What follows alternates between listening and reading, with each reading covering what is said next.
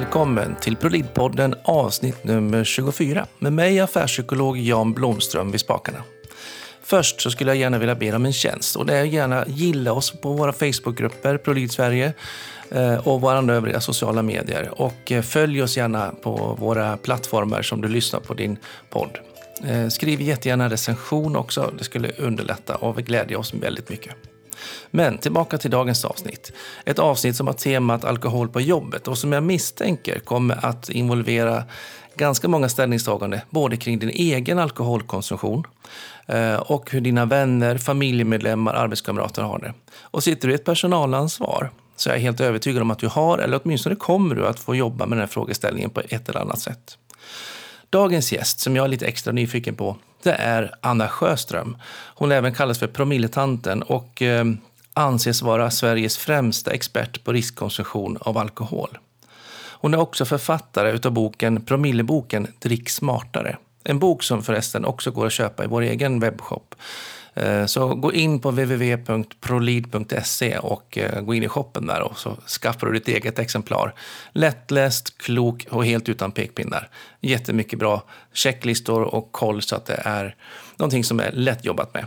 Eh, så att jag hoppas att ni kommer att gilla avsnittet idag, luta er tillbaka och insup ett antal goda verktyg och klokskaper när det gäller både att prata kring alkoholen, hur vi ska fånga upp och agera när vi stöter på den och eh, hur vi ska förebygga så att vi har ett smart förhållningssätt när det gäller alkohol på jobbet. Innan ni kör igång så vill jag bara be om ursäkt för kvaliteten på inspelningen. Vi lyckas få till lite svaj på ett par ställen på Skype-linan idag. Så att eh, optimal kvalitet kanske inte varit på alla lägen, men jag tror inte det ska störa er när ni lyssnar. Så att jag hoppas att ni får ett riktigt bra avsnitt.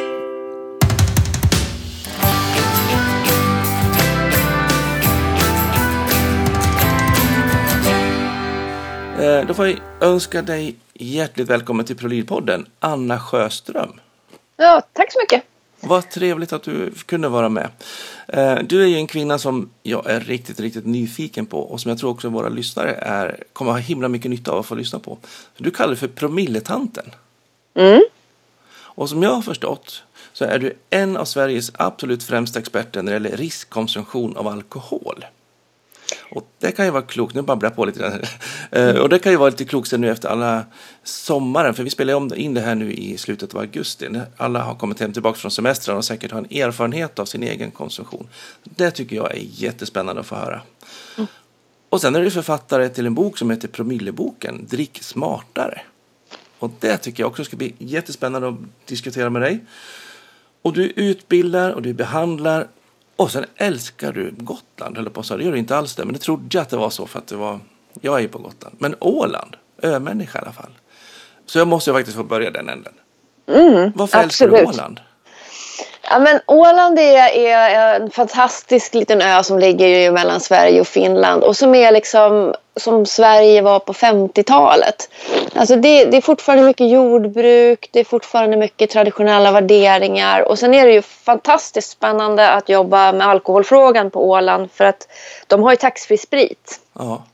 Och, ett, och många ålänningar försörjer sig på färjetrafiken. Så, att, så att det är liksom en, en, en dynamiskt ställe att, att jobba med de här frågorna. Sen att jag hamnade på Åland, det har ju mer med, med familjen att göra eftersom min man kommer från en åländsk familj. Okay. Men, men jag tycker otroligt mycket om den där lilla ön. Ja. Uh, sen är jag ju ömänniska precis som du. Jag bor ju på Rindö i Stockholms ja. skärgård. Uh, och sen har min familj också ett, ett uh, sommarställe här i Stockholms skärgård. Så det är mycket öar. Ja. Och, jag, och, jag, tycker ändå att det är något speciellt med ömänniskor. Ja, det, det, det är Ja, eller hur? Uh, och Åland för mig är alltid med, med ungdomarna var små, när barnen mm. var små, så då var vi alltid på Åland på somrarna. Så det är också, för mig är det sommarön. Och nu när man berättar att man bor på Gotland så säger alla, mm. åh det är våran sommarö. Men för mig var det Åland som var. Så att, då blir jag ju så nyfiken när du också älskar Åland. Så att, mm. ja. Människor, det är det ni får lyssna på idag helt enkelt. ja, absolut. Men tillbaka till, till det vi egentligen ska prata om. Riskkonsumtion som, av alkohol och, och din expertis kring det. Eh, kan du berätta lite kort om dig själv först? Ja, jag eh, kallar mig ju som sagt Promilletanten och mitt företag heter Promilletanten AB. Och det, man kan säga att det, det jag gör idag är väl ett, en, en funktion av allting som jag har gjort innan. Och jag har egentligen ända sedan jag eh, var väldigt ung jobbat med alkohol och drogfrågor på, på väldigt många olika sätt. Det enda jag kan säga att jag inte har gjort är att jag inte jobbat på behandlingshem. Eh, men det som har gått som en röd tråd genom hela min karriär har ju varit utbildning och kommunikation. Jag är lärare och journalist i grunden. Ja. Eh, och det är på den plattformen som, från den plattformen som jag jobbar. Och jag tycker att, att det är otroligt spännande att jobba med alkoholfrågan just därför att det är så mycket motstånd. Um, det finns ju många frågor som, man, som är svåra som man kan jobba med men där det ändå är så att människor vill prata om svåra frågor. Men just med alkohol så är det ju till att börja med så att många människor vill inte ens prata om det för att det är för känsligt. Och sen när man det väl börjar... Ja, ja, precis. Och sen när de väl börjar prata om det så, så är det jättesvårt. Ja. Eh, och jag tror, alltså, jag har, efter att ha jobbat så många år så har jag lite olika teorier om varför det är så. Men, men, det, men den här frågan passar mig väldigt väl. Jag är nyfiken också. En otroligt nyfiken person. Ja. Och kunskapsutvecklingen inom alkohol och beroendeområdet har ju varit exponentiellt de sista 20 åren. Ja. Alltså jag, jag, får hela tiden uppdatera mina utbildningar ja. därför att det kommer ny forskning. Och det, det, är också tror jag en sak som har gjort att, att jag är kvar i, i den här sakfrågan efter så många år. Ja, för att det händer någonting nytt hela tiden. Absolut. Jag brukar ofta få frågan hur kommer det sig att du jobbar med den här frågan? Och då förväntar sig många människor att man ska ha någon ganska dramatisk personlig historia. Antingen att man själv har druckit för mycket eller att en anhörig har gjort det. Och jag har inte riktigt det. Alltså, det är klart att det finns alkoholproblem i min familj men vilken familj finns det inte alkoholproblem i? Nej.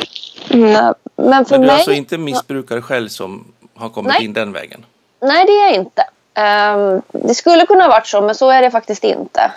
Um, och varför möter du för motstånd av det, rent legitimitetsmässigt? För det kan jag känna av när man är inne i de här frågorna. Så här, ja, men, har du någon egen problematik med det? Nej, äh, men då tror vi inte på dig. Typ.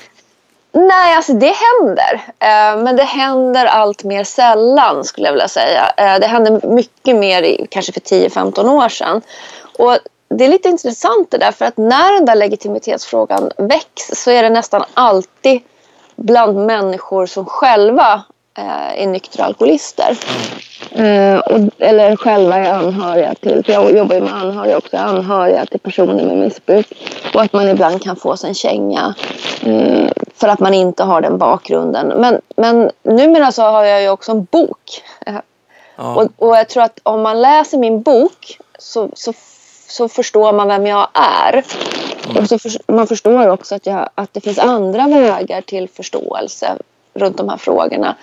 Sen är det ju också så här att, att, att jag tänker att när man jobbar med sådana här svåra frågor och träffar människor i kris så, så har man ju nytta av allt det man har varit med om. Och, och alltså personer med alkohol eller narkotikaberoende har ju inte patent på lidande. Alltså det finns Nej. ju andra typer av svåra livs, livs, eh, ja, som man kan ha gått igenom som, som gör mig till en bättre samtalspartner. Men det nödvändigtvis behöver inte bero på att jag har gjort exakt samma sak. Nej, precis. Och det handlar mm. faktiskt om en kunskap om de här frågorna. Mm. Inte mm. att man har sin egen kunskap bara och erfarenhet utan det finns kunskap som du refererar till också med mm. forskning och sånt. Mm. Det är faktiskt finns faktiskt steg man behöver ta och, mm. och sätt man kan tänka så, som funkar.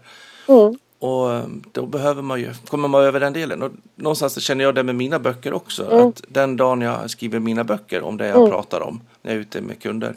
Eh, då plötsligt så var det ju sant för då stod det i en bok. Och den effekten är otroligt tung fortfarande än idag 2017 liksom.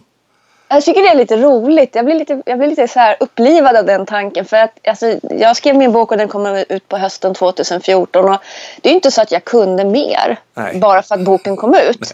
Men, men man blir behandlad som om man är expert på ett helt annat sätt bara för att man har formulerat sina tankar i, i en bok. Ja. Och min bok var ju väldigt lätt att skriva och det gick väldigt, väldigt fort. För jag hade allting i huvudet. Så jag tror att från början till slut så kanske det tog en vecka att skriva den. Ja. Eh, för det fann, allting fanns redan där. I utbildningsmaterial och tänk och Ja, förhållningssätt. Och, ja. Precis. Och, och, och, alltså jag hade ju gått med den där bokdrömmen länge. Så, att, så att det var ju bara en fråga om att, att, få, ner det, ja, få ner det på papper och, och hitta rätt samarbetspartner och sådär. Men det, men det är intressant för att en bok har, har liksom en, en, en väldig tyngd. Och för mig så har det gjort en stor skillnad därför att eh, människor förstår plötsligt vem jag är. Sen är jag väldigt, väldigt tydlig också för jag har en, en, en hemsida där jag till exempel skriver att jag dricker alkohol. Ja. Och det där har jag ju fått en del kritik för. Alltså varför skriver du det? Och, där, och skälet till det är väldigt enkelt. Alltså jag tror att människor som är i en svår situation, om det så är en arbetsgivare eller om det är en privatperson runt alkohol, de vill veta vem de ska prata med. Ja. Eh, och då kan det vara skönt att ha den frågan ur världen. Då vet Ja. de det. Då vet de att jag inte är en nykter alkoholist eller att jag, är, eller att jag, en, att jag inte är en organiserad nykterist. De vet att jag är som folk är mest. ja. Och i psykologiska termer handlar det om att skapa en trygghet. Ja, ja. Och är man trygg kan man öppna sig. Ja, och vill man inte, alltså vill man gå träffa någon som har en annan erfarenhet så behöver man inte ringa i onödan. Då vet Mm. man. Okej, men då är, då är Anna Sjöström inte en lämplig samarbetspartner för mig. Nej. Så, så att jag tycker att det har varit, att det har fungerat väldigt väl. Kanon. Nu har alla lyssnare koll på vem du är lite grann. Och vi har fått tipset att skriv en bok så ly- lyfts er trovärdighet. Det tar en Ja. vecka. Kanske lite längre Ungefär så, ja. för andra.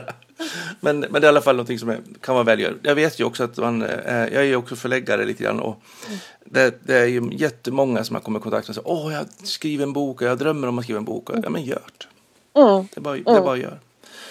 Eh, hur kan man eh, se på eller hur kan man tänka liksom, kring alkohol och alkoholkonsumtion på ett modernt sätt idag? Har du någon bra bild på det? Ja, eh, jag tycker att ett modernt sätt att se på alkoholproblem är att dels inte se det som svart eller vitt. Vi har ju lite haft den inställningen i Sverige att antingen har man alkoholproblem. Då eller sitter man på bänken utanför Konsum. Ja, typ. Eller så har man alkoholproblem inte. Mm. Och, och då kan man bete sig hur som helst med alkohol. Alltså det är, det, det är ju en enda stor gråzon skulle jag vilja säga. Jag brukar jämföra det med, med en snöboll som rullar ner för en, en, en, en ganska flack sluttning. Att, att, alltså när, vi, när vi dricker alkohol, vi människor, så, så befinner vi oss allihop någonstans på den här, i den, som i den här snöbollen på väg ner för branten. Och är det så att vi dricker lite alkohol och, och eh, har ett, ett, eh, ett förhållningssätt som, är liksom, som inte bär- innebär några stora risker, ja då kommer den där bollen förmodligen att rulla väldigt långsamt Ja. nerför backen och det kommer liksom aldrig komma några större konsekvenser. Men om vi dricker för mycket så, så riskerar vi ju att en dag så får den där snöbollen ett eget liv. Den får så mycket tyngd Mm. att den blir snabbare och snabbare och snabbare och den blir större och större och större. Och, Eh, befinner man sig i slutet av den där backen då, då har man förmodligen genererat väldigt mycket problem. Men det tar också tid att utveckla alkoholproblem. Så, men jag tänker att det är ett sätt som är modernt. Ett annat sätt som är modernt är att Eh, och det, det kan man säga jättemycket i forskningslitteratur och framförallt litteratur som kommer från USA. Att man, idag ser man det som ett, ett man brukar säga på engelska, biopsychosocial. Ja, Alltså ett, bio, ett biologiskt, psykologiskt och socialt problem. precis. Så man har en mer komplex förklaringsmodell. Ja, att det inte är just det här svarta eller vita tänket utan man får in fler nyanser i det.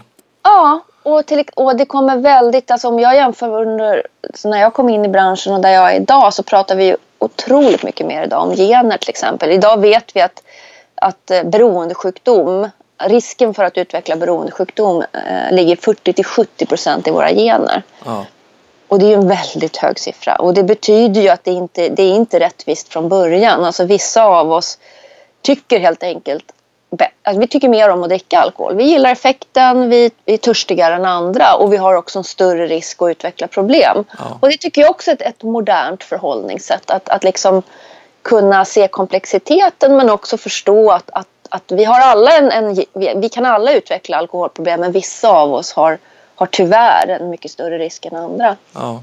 Och det kräver ju då att man får kompensera för det, tänker jag. Ja.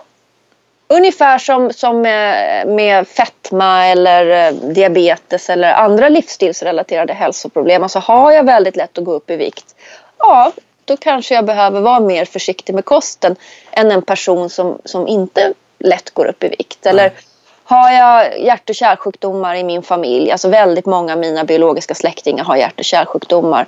Ja, då behöver jag förmodligen titta lite extra både på kost och motion och undvika att röka. Eh, Ja. Så, att, så att de här problemen, ett modernt förhållningssätt handlar mycket om att den här typen av hälsoproblem uppstår i en kombination av vår genetiska risk och valen som vi gör. Mm. Och när det gäller alkohol så handlar det egentligen bara om en sak. Hur mycket dricker vi och hur ofta dricker vi? Ja. Mm. Jag tänker bara, en, en, man föds ju med det man har, brukar jag prata ofta Ja, mycket om. ja. Och är man lång, ja men då får man väl ducka när man går ut genom en dörr. Är man Ja. kort får man sträcka på sig. Ja. Hela tiden så i vår tillvaro så kompenserar vi för de, den uppsättning av, jag Ja. säga vilken livslott är det man har fått. Eh, och särskilt inom funktionsvariationsvärlden, alltså funktionsbegränsningar, personlig assistans och Mm. omsorgen och sånt där. Där blir det här otroligt mycket tydligt med att, att man, har olika, man har fötts med det man har och Mm. man ska förvalta det så bra man kan. Utifrån den målbild man har. Och Problemet det med- gäller ju lika med alkoholgenerna tänker jag. Ja, problemet är bara att de allra flesta människor vet inte om. Alltså, de har aldrig reflekterat över vilken biologisk eller genetisk risk de har. Vilket fortfarande fascinerar mig för den här forskningen är inte ny. Nej. Alltså den absolut alltså, finaste forskningsstudie vi har om genet genetikens betydelse det är, en det är en studie som gjordes i Stockholm på 70-talet. Där man tittade på adopterade barn i Sverige. Eh, Så att kunskapen har funnits väldigt, väldigt länge men den har inte nått ut. Så att jag, jag står ju nästan varje vecka i utbildningar och ser hur liksom, du vet, lampan börjar lysa in i människor som är så här, åh fan, är det därför? Så Okej. det, är- det är jätteviktigt helt enkelt att prata om de här frågorna och att Ja. man kanske till och med gör det nästan lite sexigt att prata om. Och du, Ja. hade, nu, du nämnde lite ti- tidigare att du har en liten hypotes eller teorier om varför folk inte vill prata om det. Mm. Vad, vad, vad tänk, varför pratar vi inte om det här som vi skulle behöva prata om? Alltså jag tror ju, jag tror att det beror på eh, flera saker men en sak som jag tror vi i branschen behöver liksom reflektera över är hur, vilket sätt som vi har, har under, under liksom tiotals år, hur har vi kommunicerat vårt budskap? Och jag brukar lite sådär elakt säga att ja, alltså rätt mycket föreläsningar inom det här området, de liksom pratar om problem, problem, problem och sen kommer döden. Alltså vi har varit väldigt fokuserade på att prata om det vi kan och det vi kan det är sjukdomen Ja. och hur förfärlig den är men hur behandling kan vara effektivt och det är det vi har varit ute och pratat om. Ja. Eh, och det har, ju, alltså, det har ju såklart haft en effekt. Vem vill gå och lyssna på en föreläsning som handlar om problem, problem, problem och döden? Det Det är lite som den här varningsrutan på cigarettaskarna. Du kan Ja. dö av att röka. Men det vet ju. Alla rökare vet det. Ja. Och alla, alla vi som dricker alkohol vet att, att alkohol i för stora mängder är inte bra heller. Så, att, så vi har oss själva att skylla lite grann tänker Ja. jag. För att det handlar om hur, vad vi har skickat ut. Ja. Signaler. Och då vill inte människor lyssna och då blir det svårt. Då drar man sig för att lyssna för det. För att man förväntar sig att man, att man ska få den här eländeshistorien. Ja. Vi har också moraliserat förfärligt i vår bransch. Alltså vi har talat om för människor hur man ska göra. ja. Och Så det hur behöver vi prata om det då? Ja, vi behöver prata om det alltså på ett avdramatiserat sätt. Jag måste bara säga att jag tror att det finns ett, ytterligare ett skäl till att det är så Ja. svårt med alkohol och det är för att vi dricker alkohol. Mm. Det är mycket lättare att prata till exempel på en arbetsplats att hålla en föreläsning om narkotika. Det tycker alla är jättespännande och jätteintressant. Mm. Och det handlar inte om oss. Nej, tror man. Nej. Det är ganska Tro- utbrett det också. Det också, men, men inte jämförelsevis med alkohol. Nej. Eh, Men, men så fort vi ska ta i alkohol eller vi ska prata om alkohol så kommer det direkt att studsa tillbaka på vår egen konsumtion. Och det är för, förresten en av tipsen i min bok. Alltså vad ska jag göra om jag misstänker att någon jag bryr mig om dricker för mycket? Ja. En av de första sakerna som du behöver göra det är att fundera på din egen alkoholkonsumtion först. ja. För, För de där- frågorna kommer. Ja, det kommer komma direkt. Okej, men hur dricker du då? Ja. Eh, Och vem är du att säga, säga någonting om min konsumtion? Ja. Så det finns nog flera skäl till att det är så svårt med alkohol. Men jag tror att man måste prata om det annorlunda. Och ett, ett bra avsteg och, och som, jag, som jag använder jättemycket det är att prata om det som, som ett livsstilsrelaterat hälsoproblem. Att det uppkommer ungefär på samma sätt som fetma och hjärt och kärlsjukdomar och diabetes typ 2. Ja. Eh, Och det har vi forskningsstöd för. En annan tror jag är att, att våga prata om det eh, utifrån ett hälsoperspektiv. Alltså, vi, em, jag har ju, alltså många människor med mig har ju en personlig tränare Mm. som tar hjälp av när vi behöver komma igång med träning. Vi kanske går till en, en kostcoach sådär, eller en arbetslivscoach. Så jag har laborerat lite grann med de där orden och ibland så kallar jag mig för alkoholcoach. Mm. Och varför inte? Alltså, man måste kunna, kunna ta hjälp Även Nej. inom det här området, ja. ja, och, lång, och långt innan man har allvarliga problem. Och vi, tar ju, vi har ju en verkstad som tar hand om bilproblem om det är något fel på den. Vi har gått till tandläkaren när vi har problem med tänder. Vi, har, vi är ju ganska vana i många andra områden att ta hjälp av andra. Men här blir det tabu någonstans. Och tandläkaren är ett bra exempel för vi väntar ju inte, de flesta av oss väntar ju inte att gå till tandläkaren tills vi har jättemycket problem. Nej. Men vi går ju en gång om året eh, eller två gånger om året för att kolla att det inte ska bli problem och få Ja. hjälp. Eller vi åker till bilbesiktningen med bilen, inte för att det har blivit ett problem utan för att det inte ska bli ett problem. Eh, och, och, ska in, och vi ska inte köra omkring i bilar som, som in, inte är trafiksäkra. Så jag tänker att man måste få in ett förebyggarperspektiv. Um, och att det, det är faktiskt kul att prata om de här frågorna. Det är roligt, det är spännande, det är dynamiskt. Härligt. Eh, Jag jobbar ju mycket med chefer och, och så. Och då självklart dyker det upp att de, de har ju personal som har alkoholproblem. Eh, De har kanske har det själva också såklart. eh, Och så. Men eh, jag tänker liksom när man som chef då, lite tips till dem.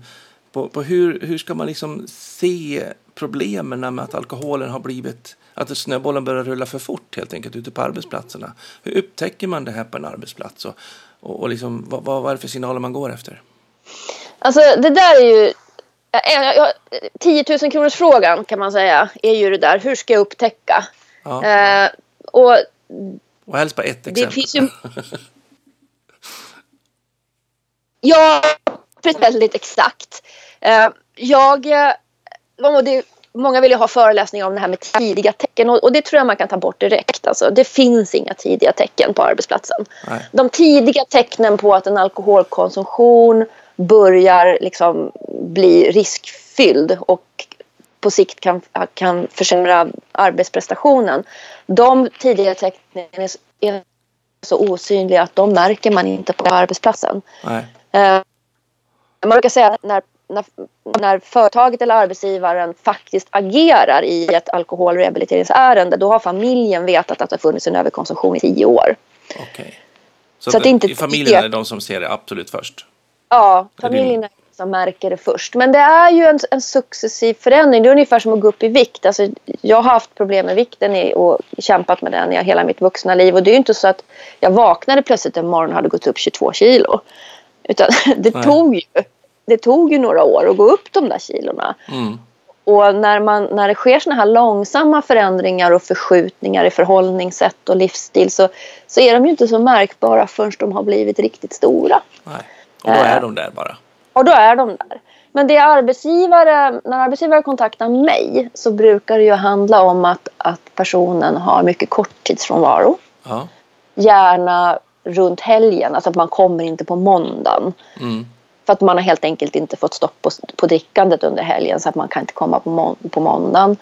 Eh, man kanske har, eh, man söker sig till företagshälsovården med en massa fysiska krämpor som kommer och går. Mm.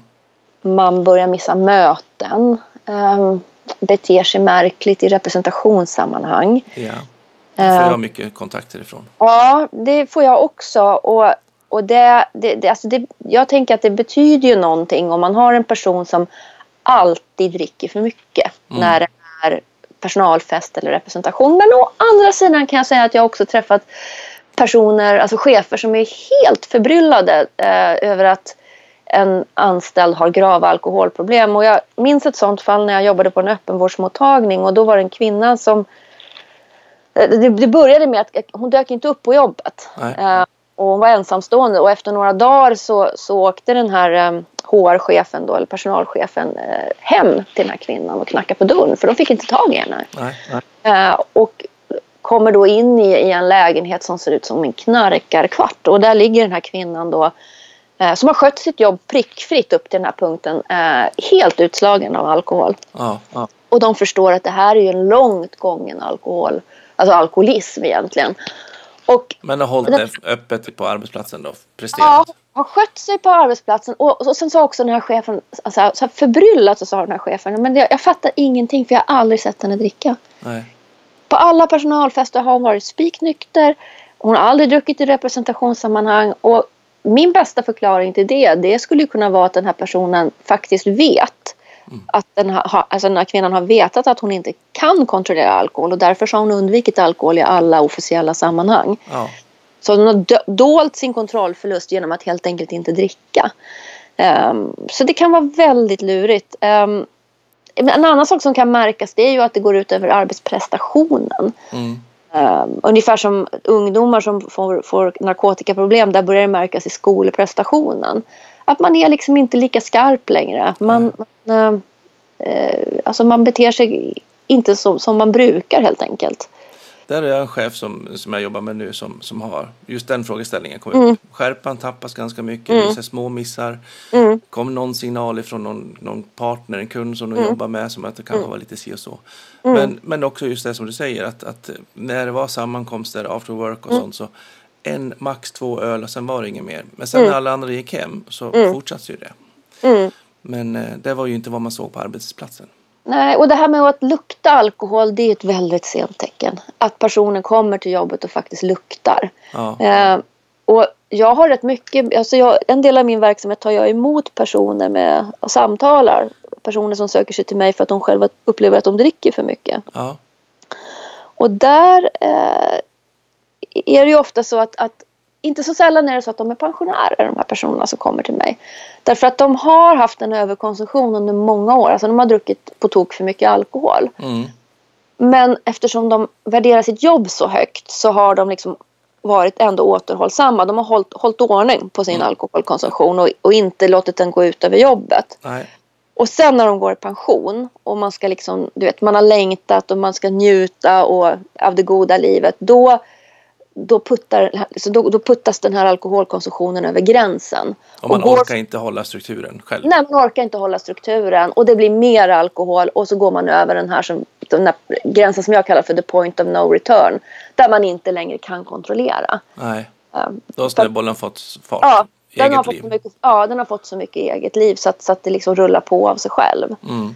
Eh, Så att arbets, arbetet är en väldigt, väldigt alltså, fin skyddsfaktor. Alltså människor som är i arbete och som trivs på jobbet. Det är en skyddsfaktor. Det skyddar dem från att utveckla alkoholberoende. Spännande. Mm. Eh, Om jag nu då som chef har en medarbetare som känner att shit, den här har tappat fokus, den har börjat dricka, den kommer inte, det är ett problem. Så att man liksom har definierat det nu i alla fall. Eh, vad ska man som chef göra då? Tänker, vad ska man vidta för åtgärder? Hur ska man prata med medarbetaren? Hur tänker du kring vilka partners ska man jobba med? Eh, hur, hur ska jag följa upp? Hur ska jag hålla i det här? Och, och kanske nästan ännu viktigare, eller inte viktigare kanske, men, men som, eh, som för mig blir det viktigt att prata om i alla fall. När ska man faktiskt säga att nej, det här går inte längre, nu lär vi avsluta. För där ser jag mycket cheferna i alla fall att de har ju både ansvaret för att säkra upp eh, verksamheten och dels har de ett rehabansvar och ett arbetsgivaransvar kring det. Men när är liksom, kommer man to the point of no return där? Alltså nej, jag vill faktiskt driva att nu, nu är det inte en arbetsgivarfråga längre. Nu Nej. vi lösa ut den eller förflytta eller göra någonting annat. Mm. Vad tänker tänkte- du kring det? Jag tänkte börja i andra änden. Alltså det första man måste göra som chef är att säkerställa att det verkligen är alkohol. Ja, Eh, därför att de tidiga tecknen på, på alkoholproblem är samma tidiga te- tecken som det finns för, för en person som håller på att bli utbränd till exempel. Det skulle kunna vara en kris, en skilsmässa som pågår där hemma som arbetsplatsen inte vet om. Så det första man behöver göra det är att reda ut varför beter sig den här personen annorlunda? Varför mår inte min medarbetare bra? Eh, och och hur där- gör man det? Ja, det gör man ju på två sätt. Dels som chef så gör man ju det genom att inleda, inleda ett samtal. ehm, på ett lugnt och sansat sätt. Alltså jag får ibland sådana här äh, samtal en fredag kväll klockan fem i fem och så är det en arbetsgivare som ringer och säger att vi har upptäckt att mina medarbetare äh, har alkoholproblem. Vi måste göra någonting nu. Ja, och då brukar jag säga vi kan vänta till måndag. Ja. Vi kan förmodligen vänta en vecka till också. Att det är sällan, i alla fall med alkohol, så är det ju en fråga på liv och död här och nu. Mm. Personen har ju förmodligen druckit i tio år. Det är bara det att arbetsgivaren har upptäckt det nu. Fick sin ångestpeak där. Ja, precis. Så better do it right than right away. Så ta ett djupt andetag och kartlägg. Ja. Alltså, chefen själv tycker jag ska, ska berätta om sin oro och uttrycka sig, eh, ställa mycket öppna frågor som inte går att svara ja och nej på. Ja. Alltså, nyfiket undersöka och sen berätta vad man ser. Alltså jag upplever att jag är orolig för det här. Mm. Och sen börja dokumentera. Därför att har en person utvecklat alkoholproblem så har personen parallellt med det utvecklat väldigt starka försvarsmekanismer. Mm. Det tillhör liksom själva sjukdomsbilden. Så det är ingenting att liksom diskutera. Och det är inte så att personen sitter och ljuger medvetet. Utan det är, försvarsmekanismerna är ju till för, om det är jag som dricker för mycket så är de till för att skydda min alkoholkonsumtion. Så jag tror ju själv på mina försvarsmekanismer. Ja. Och det gäller att säga så här, tisdag den 8 augusti klockan 9.00 så luktade du alkohol. Mm. Sen, och sen dokumentera det. Sen tycker jag att man ska ta hjälp av, eh, om man känner det så ska man absolut ta hjälp av externa hjälp. Många arbetsgivare har ju möjlighet eh, att, att jobba tillsammans med företagshälsovården. Ja. Och i det här tidiga skedet så kan ju företagshälsovården hjälpa till med provtagning. Just det. Det finns ju väldigt exakta blodprover idag där man faktiskt kan följa alkoholkonsumtionen. Där man ser om den här personen ligger på en riskfylld alkoholkonsumtionsnivå. Oavsett vad försvarsmekanismen säger så ser Eh. ja. man det på proverna. Ja.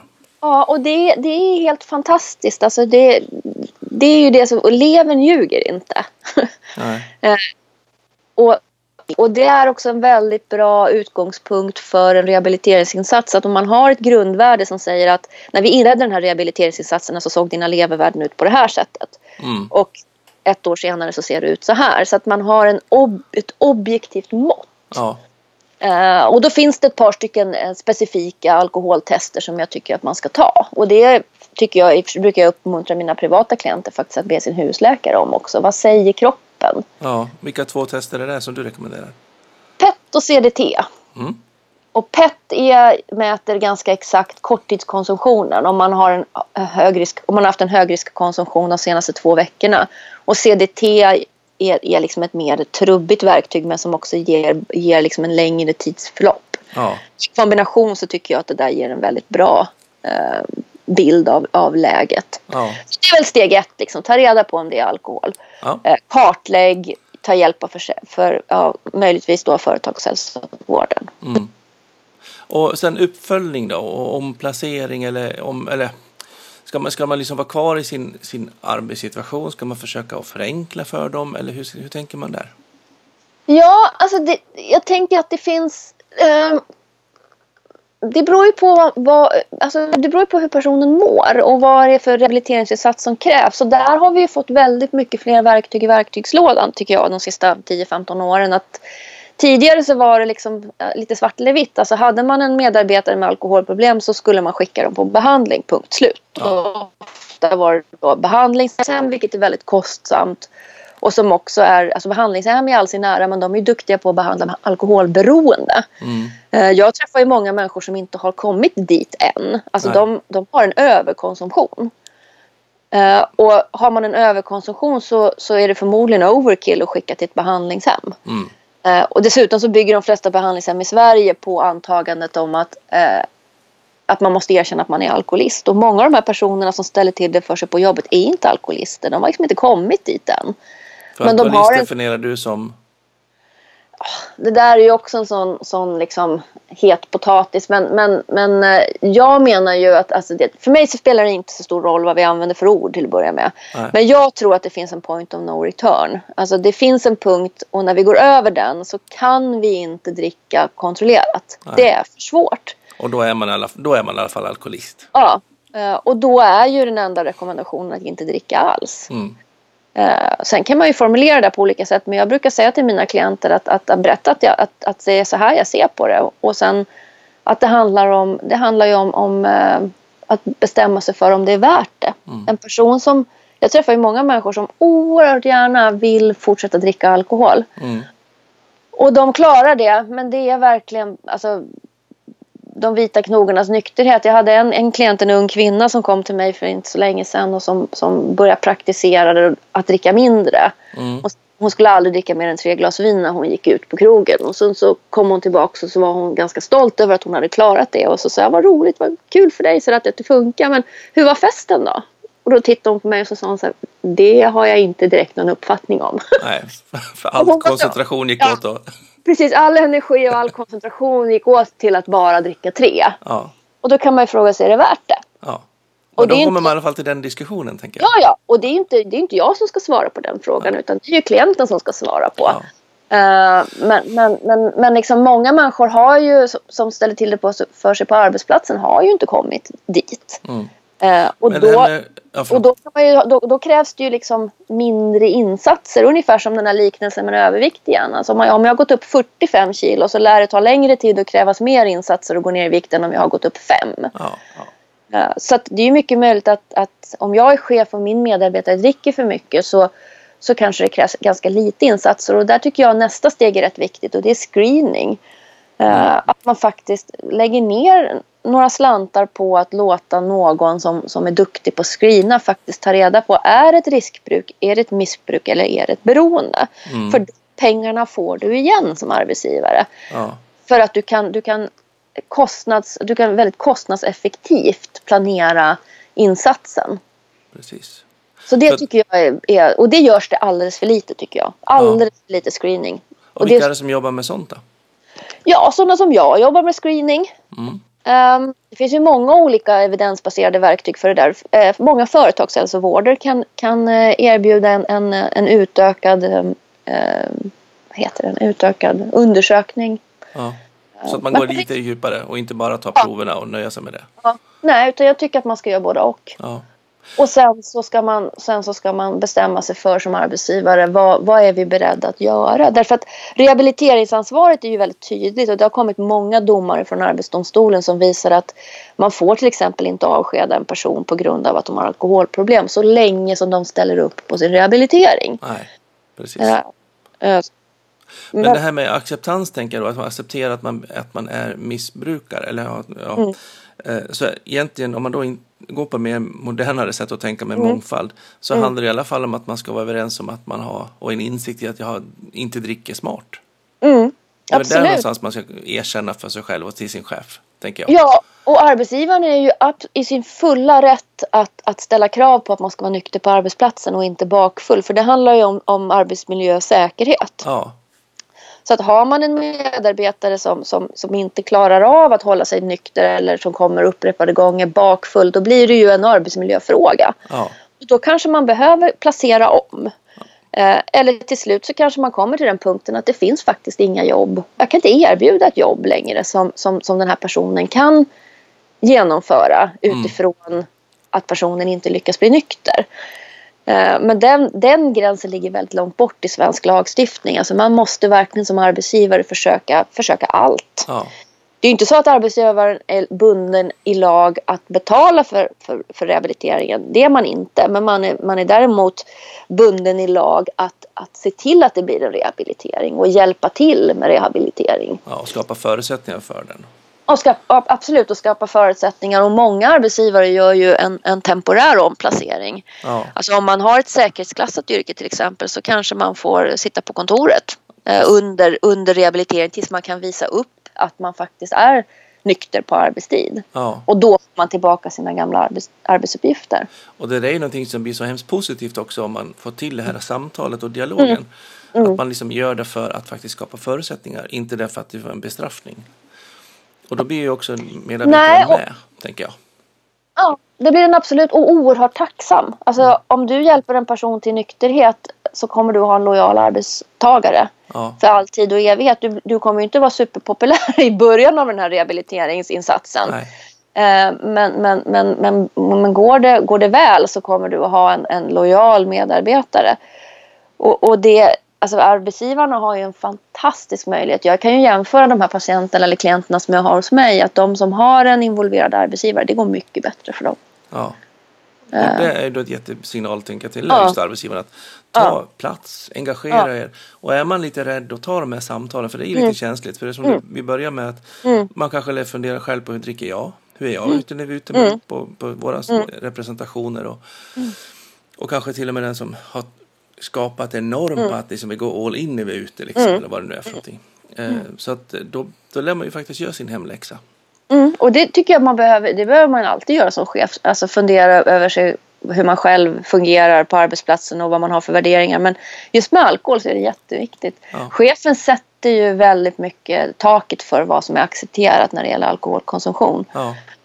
På arbetsplatser där man har en chef som är väldigt försiktig med alkohol eller inte dricker alkohol alls, då dricks det inte. Nej. Uh, men det märker man så tydligt när man är ute på konferenser. Ja. Jag träffar ju mycket kunder där. Och, och man ser verkligen skillnaderna. Mm. Och så någonstans också vad det är för, för inställning man har med liksom vad man ska göra. Varför är man på jobbet? Mm. Eh, och jag, får lite ibland pikar från hotellen när man är ute med grupper för att mina grupper dricker så lite så de får för lite marginal i baren. ja, ja, ja. Men det är ju därför att man har fokus på att på liksom mer de här lite kanske då känsligare frågorna. Liksom att, eh, så att man är inte där för att vara, vara i partystämning för att liksom göra en kick-off utan man, man, är där för att faktiskt verkligen seriöst rikta mot eh, förbättra verksamheten. Och då blir det plötsligt inte så mm. acceptabelt då, eller så till ja, man, det blir inte så lämpligt att dricka så jäkla mycket i alla fall. Fast man inte ens har pratat Nej, och det blir inte öns Nej, och det blir kanske inte så önskvärt heller. För jag tänker att det, det handlar ju också om, om um, hur alltså alkohol påverkar hur vi uppfattas också av en, av en kund till exempel. Uh, hur vi hanterar de mjuka frågorna på vårt företag det är ju också en konkurrens, en, kan också vara en konkurrensfördel. Ja. Om, om, vi har medarbetare som är kända för att, att liksom partaja jättemycket på konferenser och sådär det är ingenting som avspeglar sig speciellt väl i, i hur man uppfattar mig som företagare. Nej. Så att det är också, alltså jag brukar också tipsa chefer när de ändå är igång så behöver de behöver titta över sin alkohol och drog policy och sin handlingsplan som de är skyldiga att ha. Men, men det är, kanske är så att man behöver titta lite grann på representationspolicyn också. Mm. Eh, och vad har du för tips där avslutningsvis? Hur, hur ska man liksom kunna ha en, en hållbar relation till alkohol på jobbet? Alltså jag tycker att du, egentligen så var det du som sa det, att, att, att man, alltså, vi är ju på jobbet för att, för att utföra, alltså, vi måste fundera på varför vi är på jobbet. Mm. Vi är ju på jobbet för att vi ska utföra, utföra en arbetsuppgift. Vi ska sälja tjänster till kunder, vi ska sköta omsorgen, vi kanske jobbar i en kommunal verksamhet och tar hand om, om sjuka och skröpliga människor eller vi står i skolan. Och det, alltså, det är utifrån det som, som, vi måste, måste fundera, tänker jag. Varför, varför gör vi det här? Varför är vi på jobbet? Ja. Och vad har alkoholen för roll i det? Ingen alls skulle jag säga. Nej. Det finns väldigt få saker på arbetsplatsen som blir bättre av alkohol. Uh, alkohol hör ju egentligen inte hemma på själva arbetsplatsen. Uh, däremot så kanske alkoholen har en funktion i, en viss del av representation eller personalfester. Men det finns ju, jag, kan inte jag kan inte riktigt tänka mig att det finns någon funktion för att man dricker alkohol på arbetstid eller att man kommer påverkad. Och det är ju på väldigt många arbetsplatser också ytterst ut en säkerhetsfråga. Alltså på vissa arbetsplatser är det inte alls svårt att prata om alkohol därför att där är det 100% en säkerhetsfråga och det är ingenting som någon ifrågasätter. Vi klänger, på, vi klänger på byggnadsställningar varje dag, vi kör tunga truckar, vi eh, jobbar i processindustri. Alltså ett litet, litet misstag kan ju betyda liv och död. Ja. Så, att, så, att, så att jag tycker egentligen inte att alkohol har någon vidare funktion på, arbets, på arbetstid på arbetsplatsen. Uh, och, en, och, en representationspolicy ska ju, ska ju faktiskt avspegla det.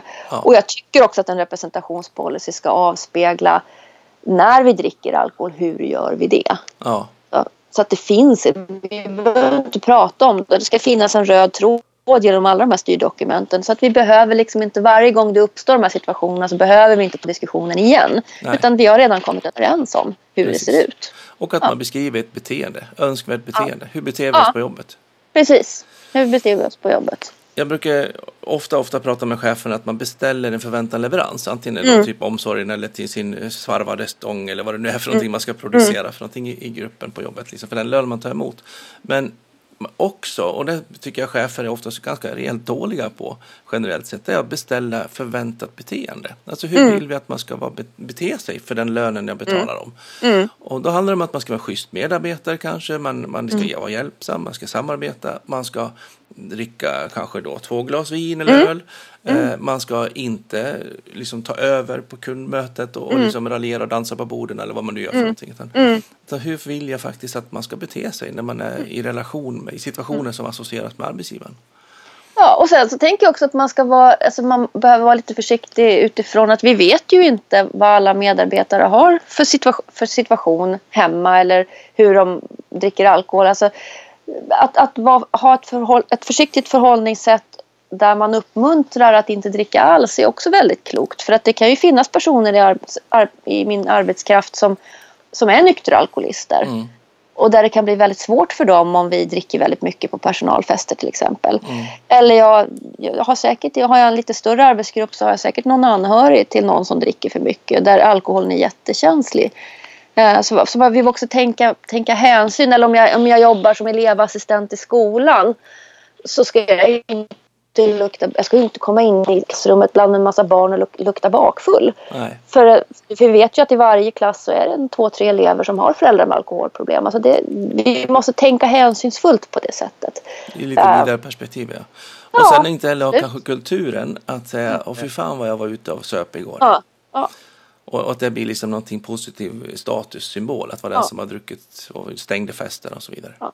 Och det betyder ju inte att, att vi ska vara några tråkmånsar och liksom använda pekpinnar och knäppa folk på näsan. För folk får ju välja att göra hur de vill.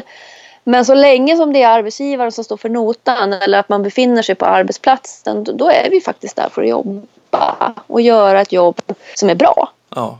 Och vi representerar arbetsgivaren. Och det tycker jag också att man kan vara tydlig med. Att, att man får göra som man vill. Men så länge som det är inom ramen för arbetsplatsens verksamhet eller ja, in, inom ramen för att det kanske är en personalfest så är det faktiskt arbetsgivarens regler som gäller. Och då behöver vi faktiskt dricka lite smartare.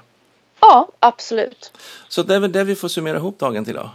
Ja, det tycker jag. jag tycker det var jättespännande att få, få höra dina resonemang. Ja, tack så eh, mycket för att jag fick vara med. Ja, och om man vill då få komma i kontakt med dig, få veta mer, boka utbildningar, få hjälp med råd och tips kanske hur sjutton ska vi göra en screening, hur ska vi tänka mm. i situationen eller kanske känna att fasiken, alltså jag kanske behöver ta tag i det där att dra ner min konsumtion mm. lite grann. Eh, vad får jag tag på dig? Ja, absolut enklaste sättet är att, att uh, gå in på min hemsida promilletanten.se och så klickar man sig fram där i formuläret och så kontaktar man mig. Så det, det är ganska enkelt. Ja, men vad bra. Och vill ni följa ProLid-podden ytterligare så följ oss gärna på Facebook, ProLid Sverige eh, och våra andra ställen så, på sociala medier. Så att eh, följ oss på ProLiden där och så hörs vi på nästa avsnitt. Med det tackar dig så jättemycket Anna att du var med idag. Tack! Mm, Tack så mycket!